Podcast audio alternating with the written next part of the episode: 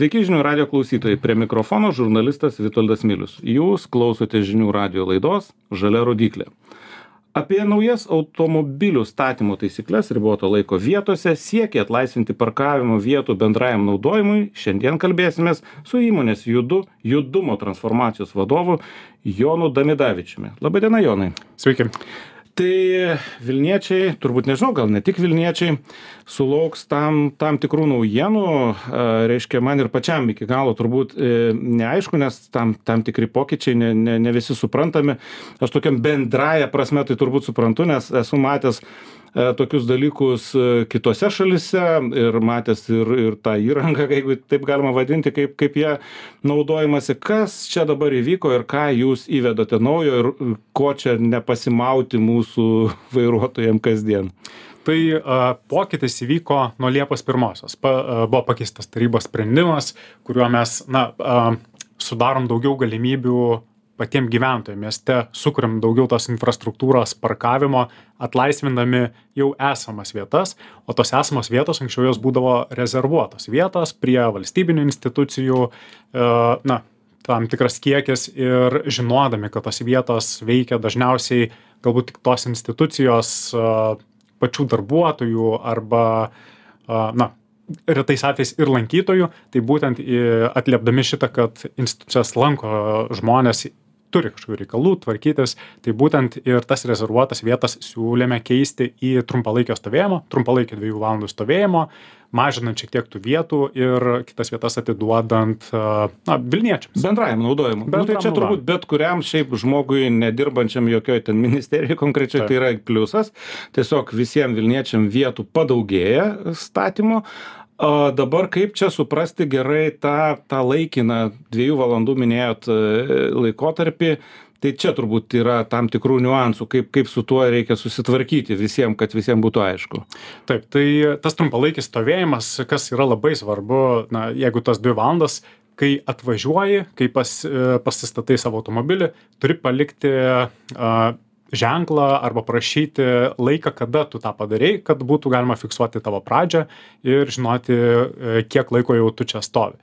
Tai tą galima padaryti įvairiais būdais. E, šiai dienai galima tą nusipirkti arba įsigyti klientų aptarnavimo centruose tuos e, laikrodukus, e, kuriuos mhm. nustatyti. Tai vat juos būtent aš esu ir matęs daugelį Europos šalių. Tai labai dažna praktika mhm. tokius įsigyti ir juos naudoti, bet na, mes sudarom dar tą galimybę, kad tu gali ir pats parašyti, kad ir ant to lapelio, kada tu atvažiavai pasistatei, kol mes neturim skaitmenizuoto kažkokio varianto, kaip galėtume na, padaryti galbūt ant e, savo programėlės tokį sprendimą ar kažkaip kitaip įspręsti, kad būtų dar patogiau pačiam naudoti. Mhm. Nes dabar, sakykime, tą statymo, ypatingai Vilniui, nu, tą programėlę gal ir kitose miestuose retai, retai turbūt būnu ir ką, ką nors e, statau kažkur, e, tai tikrai veikia, nu, vadinčiau, nu, viena turbūt patogiausių programėlių gyvenime yra, kad, nu, ten vieną bėgį įjungia ir, ir viskas. Ten gal brangu, gal kaip, bet kad patogu, tai tikrai. A, dabar, kaip čia žmogui reikia pamatyti, kad tai yra laikina, tai ženklas, ne? Taip, tai yra ženklas, P raidė, nurodytas dvi valandas. Dar yra labai svarbu atkreipti dėmesį, ar, tarkim, po ženklų nėra irgi laiko nurodymo, kada tas trumpalaikis stovėjimas baigėsi. Na, nes iš tiesų ne visur reikia, kad visą parą tas trumpalaikis stovėjimas būtų. Gali būti kad jisai bus tiktai pavyzdžiui iki šeštos valandos vakaro o po to jau ta vieta tampa kaip a, įprasta tam tikros zonos vieta kur jau veikia visos rinkliavos taisyklės kur reikia taip pat mokėti už parkavimą kad ten stovi ir panašiai. Tai ženklas p raidė ir dvi valandos labai aiškus. Iš tiesų kitoks nei įprastai matai parkavimo ženklą su nurodymu susimokėti. Tai manau kad nėra taip kad nepastebėsi arba neatskirsi jo. Bet e, susimokėti reiškia už tą nu, nu sakykim dvi valandas ar vieną valandą e, reikia kaip dabar nes šiaip tai programėlė atvažiavai įjungei išjungei tai lygiai taip pat ane lygiai taip pat ne, gali tai susimokėti trumpalaikis stovėjimas yra nemokamas. Ai nemokamas a, yra nemokamas. supratau supratau. Taip. tai reiškia reikia tik identifikuoti kad kada Būtent. tu pas aha nu tai čia su, suprantama tada kaip ir kaip nu kažkokios problemos nėra E, dabar kas tai tikrina, man dar kartais klausimas kyla, nes, nu, pastatei, parašiai ir išėjai ir, ir nieko. Taip, bet kadangi mūsų e, parkavimo kontrolieriai zuja mieste nuolatos ir bendradarbiaudami su vilniaus viešąja tvarka mes irgi fiksuojam tas vietas fiksuojam tą pradžią fiksuojam kiek laiko jau stovima pagal tai ką tu matai ir perduodama informacija nes tai yra kelių eismo taisyklių pažeidimas Aha, a, ne, ne rinkliavos pažeidimas, rinkliavos. o kelių eismo taisyklių Tai ką pažeidimas. tada, jeigu koks nors, kaip sakoma, blogietis automobilį paliko, nepaliko lapelio, e, nu, lapelis skamba išdidžiai, bet e, turbūt, nu, sakykime, to laikroduko, ten, nu, turbūt Rolexo savo nereikia palikti ant prietaisų skydelio, bet, bet, nu, turbūt tą laikroduką, jeigu dažnai to reikia, turbūt reikėtų turėti, estetiškiau atrodys. Tai jeigu nieko nėra tenai, tai ką, tai tada yra jūsų reiškia tas administratorius, kuris prižiūri, kviečia policiją, ar, ar kaip čia? Jie gali kviesti arba policiją, arba viešąją tvarką. Na, mums paprasčiau su Vilniaus viešąją tvarka. Ai, nu ir tada la- geltonas lapelis už lango Taip. ir eini susimokėti. Nu viskas aišku. Nu tai sistema aiški. E, na, tikėkime, kad jinai turbūt e, gimė iš to, kad trūksta vietų, ne? Ar, ar kaip? Iš tiesų, mes kiekvienais metais darom parkavimo vietų užimtumą e, rinkliavos zonose, nes čia yra tas um, didysis poreikis tų parkavimo vietų. Ir visada fiksuojam tą užstatymą vidurkis nuo 60 iki 70 procentų užimtumą. Kas reiškia, na, kad a, jau artėja link tos ribos 85 procentų, kai jau privalai imtis tam tikrų sprendimų. Nes sekantis žingsnis yra, kai tu atvažiuoji ir neberandi vietos. Ką tu tada darai? Suki ratais, didini taršą ir galiausiai tiek tos vietos nerandi ir važiuoji dar kažkur toliau nuo savo tikslo. O, na, e, miestietis, jeigu jis ir atvažiuoja su tuo automobiliu į centrą, na, jis turi savo kažkokį tikslą ir jam laikas irgi yra svarbu. Tai būtent valdyti tą pasiūlą parkavimo vietų ir mažinti tą užimtumą.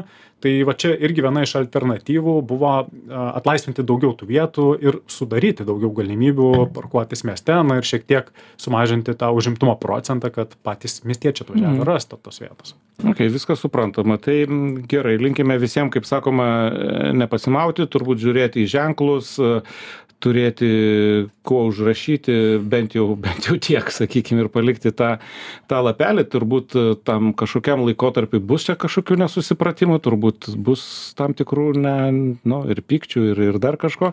Turbūt ir tos uh, įstaigos, įmonės, kurių parkavimo vietų pamažina, turbūt irgi nėra ypatingai laimingos, aš taip Iš spėju. tiesų labai įvairiai. A, Pradžiai tikrai tikėjomės didesnio galbūt to a, neigiamo mm, poveikio iš tų arba tos reakcijos neigiamos iš tų institucijų, bet a, sulaukėm ir tokių, nu, nereikia mums iš tų dviejų a, vietų stovėjimo ar ten vienos ir galima atiduoti miesto a, naudojimui, na tai ir tokių net ir sulaukėm, bet nepasakyčiau, kad labai buvo didelis tas nepasitenkinimas, gal toks momentinis tos pirmos savaitės, kai buvo tas tarybos sprendimas priimtas ir jau tos vietos pradėtos keisti, tada buvo, bet tikrai tikrai nebuvo, kad labai jau visos institucijos būtų prieš.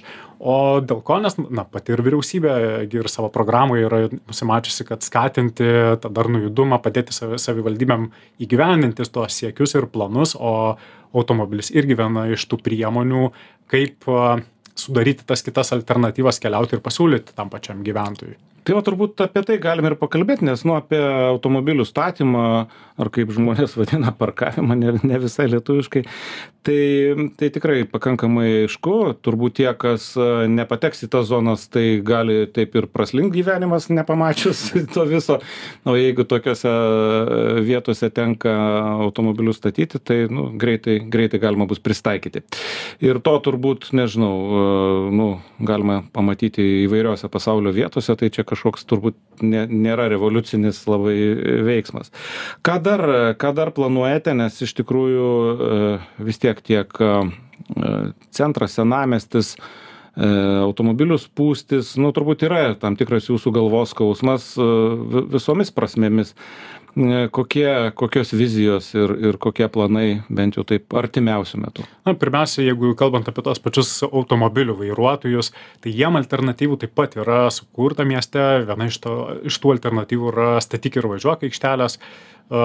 Kai jos, Jau jos taip ne pirma diena čia. jos ne pirma diena, jos jau yra nuo 17 metų atsiradusios, tas galbūt jų naudojimas vis dar nėra taip labai prigijęs, bet kuriant tą alternatyvą arba suteikiant tokią galimybę, na mes žiūrim, kaip paskatinti miesto periferijos ar rajono gyventojus nevažiuoti iki to centro. Faktas kad gyvenant kažkur už miesto reikia galbūt tau automobiliu atvažiuoti tą dalį atstumo bet tu gali palikti automobilį toj statyk ir važiuok aikštelėj gauni penkiasdešimties centų dienos bilietą viešu transportu ir savo kelionę toliau po miestą gali visą dieną už penkiasdešim centų toliau tęsti be jokių problemų ir galim sakyt gan sklandžiai nes mieste vis tiek tiesiamos ir a juostos kurios na padaro tam tikrą prioritetą. Dabar testuojamės ir pilotuojam viešo transporto šviesoforines sistemas žiūrim kaip jos suveiks galbūt mieste irgi jas reikės didesniu mastu diegti. Tai reiškia, kad greičiau važiuotų. Taip, tai reiškia, kad greičiau važiuotų ir na, gal nestovėtų kartu su automobiliais tose spūstise.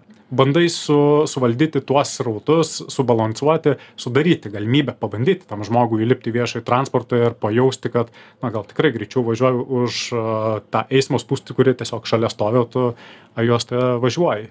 Mhm. Ne, nu tai čia turbūt jausmas e, visada geras, kai kitus lenki. E, dar toks turbūt e, grįžimas prie statymo, nes vis tiek visa automobilių pramonė ir, ir, ir visas virsmas dabar juda link elektromobilių. Mhm. Ir elektromobilių vis tiek daugėja, ten turbūt ne taip e, baisiai, e, sakykime, kažkokiais skaičiais, bet ten procentaliai tai labai ženkliai daugėja ir Lietuvoje tame tarpe.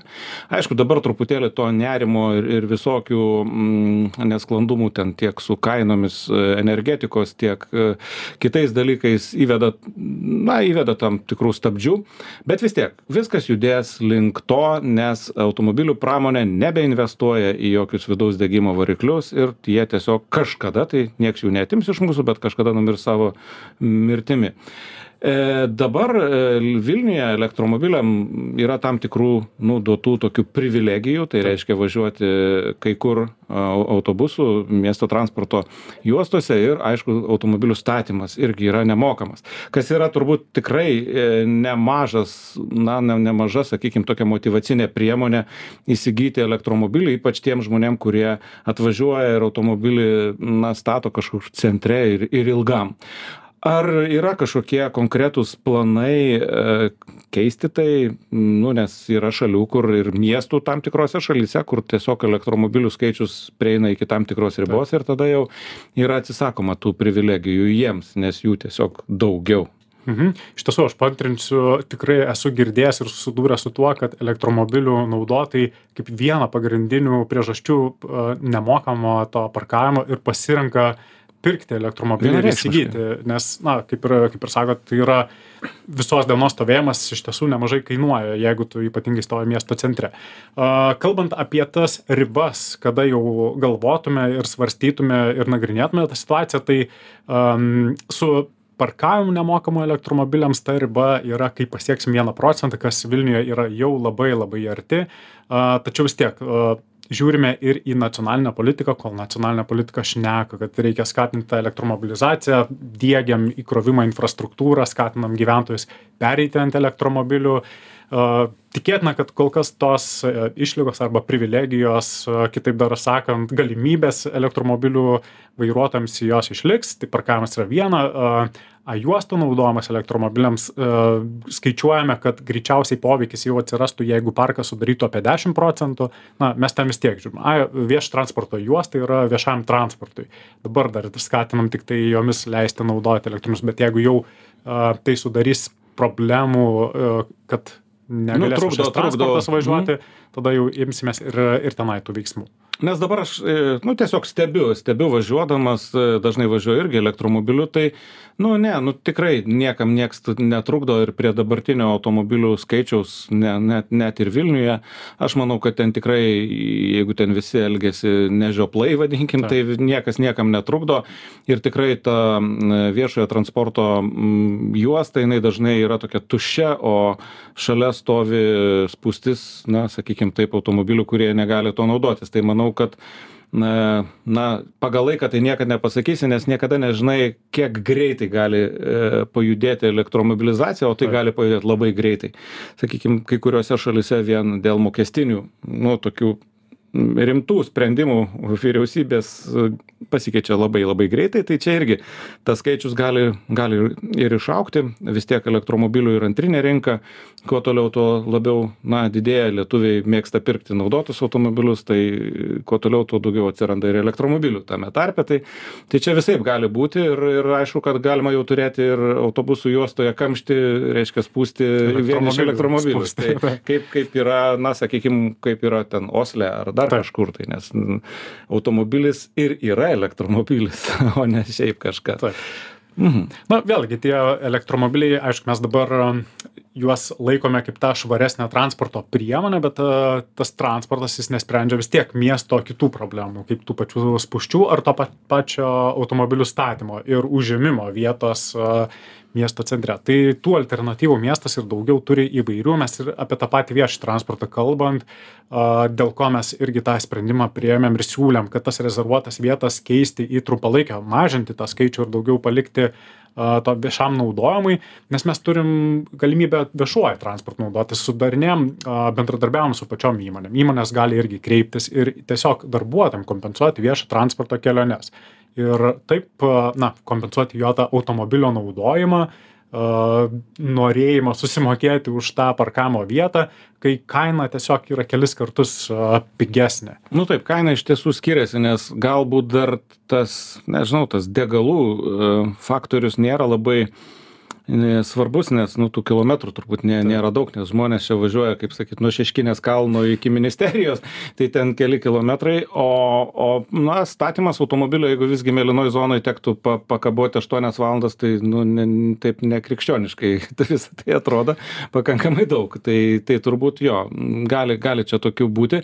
E šiaip e, su kuriomis labiausiai na sakykim jūs kaip vizijos matytojai miesto judėjimo į priekį susiduriat kas yra didžiausia didžiausia problema, nu, sakykime, Vilniui, ar spūstis, ar, ar to e, statymo vietų vis nebuvimas, ka, kas čia labiausiai jūs jaudina ir, ir, ir, ir stumia? Sakyčiau, iš esmės gal iš daug miesto dar to kompleksas, tų priemonių įvairiausių, ką tų galimybių kūrimas ir matyt gal pagrindinė priežastis tų pačių gyventojų kartais net nenorėjimas pabandyti tų alternatyvų. Miestas duoda bet mes visada na neišbandydami e, sakom kad tai neveiks. Iš tiesų labai geras būdas e, tiesiog pabandyti pavažiuoti tuo pačiu dviračių taku pavažiuoti tuo pačiu viešuoju transportu ir tik tada daryti išvadas. Nes iš tiesų e, kaip pavyzdys pastarojo mėnesio kalvarijų gatvės kai tapo viena juosta a viešo transporto ir na gyventojai skundėsi vairuotojai skundėsi kad miestas atėmė iš jų vieną eismo juostą. Tačiau ir dabar gaunam tų jau teigiamų atsiliepimų kad aš pabandžiau įlipau ir iš tiesų aš dabar galiu per dvidešim minučių visą atkarpą pravažiuot kai aš anksčiau iki valandos tą visą atkarpą važiuodavau. Automobiliu. taip ir tu pamatai tą skirtumą. Žmonės atranda na ir tada jau kitaip pradeda vertint tuos visus sprendimus. Bet kol neįsėsi kol nepabandysi tol neturėsi ką palyginti. Bet nežinau, čia taip tik mano toks pamastymas, nu bus sunku lietuvių iškrapštyti iš automobilio.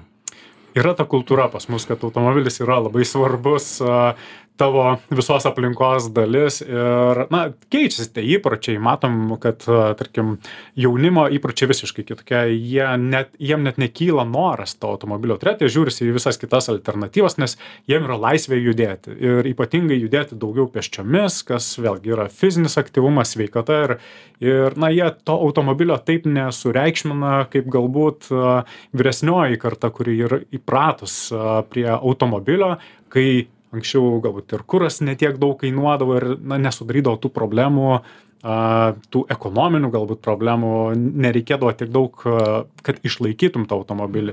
Nebūdavo tiek daug srautų tai tiesiog naudotojai vairuotojai tą naudodavosi tais automobiliais ir mieste taip ir gyveno. Dabar kai keičiasi situacija kai gyventojų daugėja ypatingai vilniuje kai kiekvienas pajėgus įsigyti tą automobilį na tas požiūris ar ta kultūra turėtų keistis ir turėtų atsirasti tas balansas ko iš tiesų ir siekiam trisdešimtaisiais metais kad pagrindinėm susisiekimo rūšim keliautų po trisdešim procentų tai yra automobiliu viešuoju transportu ir pėsčiomis. Kad tos kelionės būtų subalansuotos ir visą miesto infrastruktūrą tu galėtum na padalinti visiems keliaujant patogiai. Tai turbūt tai link to ir juda, nes iš tikrųjų aš jau tikrai jaučiu, kad ta saviraiškos priemonė automobilis kaip saviraiškos priemonė lieka tiktai nu visiškai tiem taip vadinamiem nesvarbu ar benzingalviam ar elektrogalviam dabar kaip ateity bus bet e, tas automobilis kaip saviraiška nebeturi didelės prasmės nes nu bet kas gali pasiimti dalinimosi automobiliais na paslaugos pas tiekėją bet kokį ten automobilį yra visokiausių brangių pigių ir tu gali važiuoti ir įsivaizduot kad kad jis ten tavo tą laiką. Tai dabar turbūt to mažėja ir mažės turbūt nebus taip kaip buvo prieš dvidešimt trisdešimtį metų kada automobilis buvo na iš dalies ir tavo veidas. Jeigu pagal pagal automobilį vertindavo kas tu toks tai to turbūt mažiau bus. Pas automobilistus tai matyt išliks ypač pas vyresniąją kartą bet jie tada turbūt pateks į tą trisdešimtį procentų ir e, važiuos laisviau nes kita dalis jaunimo dalis persės į patogų miesto transportą arba važiuos dviračiais nežinau slidėm gal žiemą jeigu bus žiemos. Kas žino kokių tų alternatyvų dar atsiras ateity vėlgi kalbėdami apie trisdešimtus metus dar dabar garsiai nešnekam bet jau vis tiek galvoji ir apie autonominį transportą kuris ateis irgi į miestus ir ir tos naujos koncepcijos naujos idėjos jos ir vilniuj ir kituose lietuvos miestuose prigis na tai kiekvie kiekviena diena vis atsineša daugiau visokių naujienų ir ta visa automobilizacija arba technologijos vis vystosi tai na tikrai negali žinot gal tikrai bus slidės kažkokios slidės gal skrisim gal su dronais į darbą lėksim. Iš tikrųjų e, na bet kuriuo atveju aš manau kad e, užstrigti laikmetyje yra netinkamas sprendimas. Reikia žiūrėt į priekį reikia keistis nes mes čia tada tame mieste uždusime. Paprasčiausiai nieks niekur nenuvažiuos. O kaip teisingai pakalbėjom dar prieš laidą visiem automobilistam kurie priešinasi prieš dviračių takų tiesimus aš sakau tegu tik tiesia mum liks daugiau vietos būtent. Tai tai ačiū ačiū jonai. Šiandien mūsų laidoje svečiavosi įmonės judu judumo transformacijos vadovas jonas davidavičius. Laidą vedžiau aš žurnalistas vitoldas milius. Būkite sveiki ir vairuokite saugiai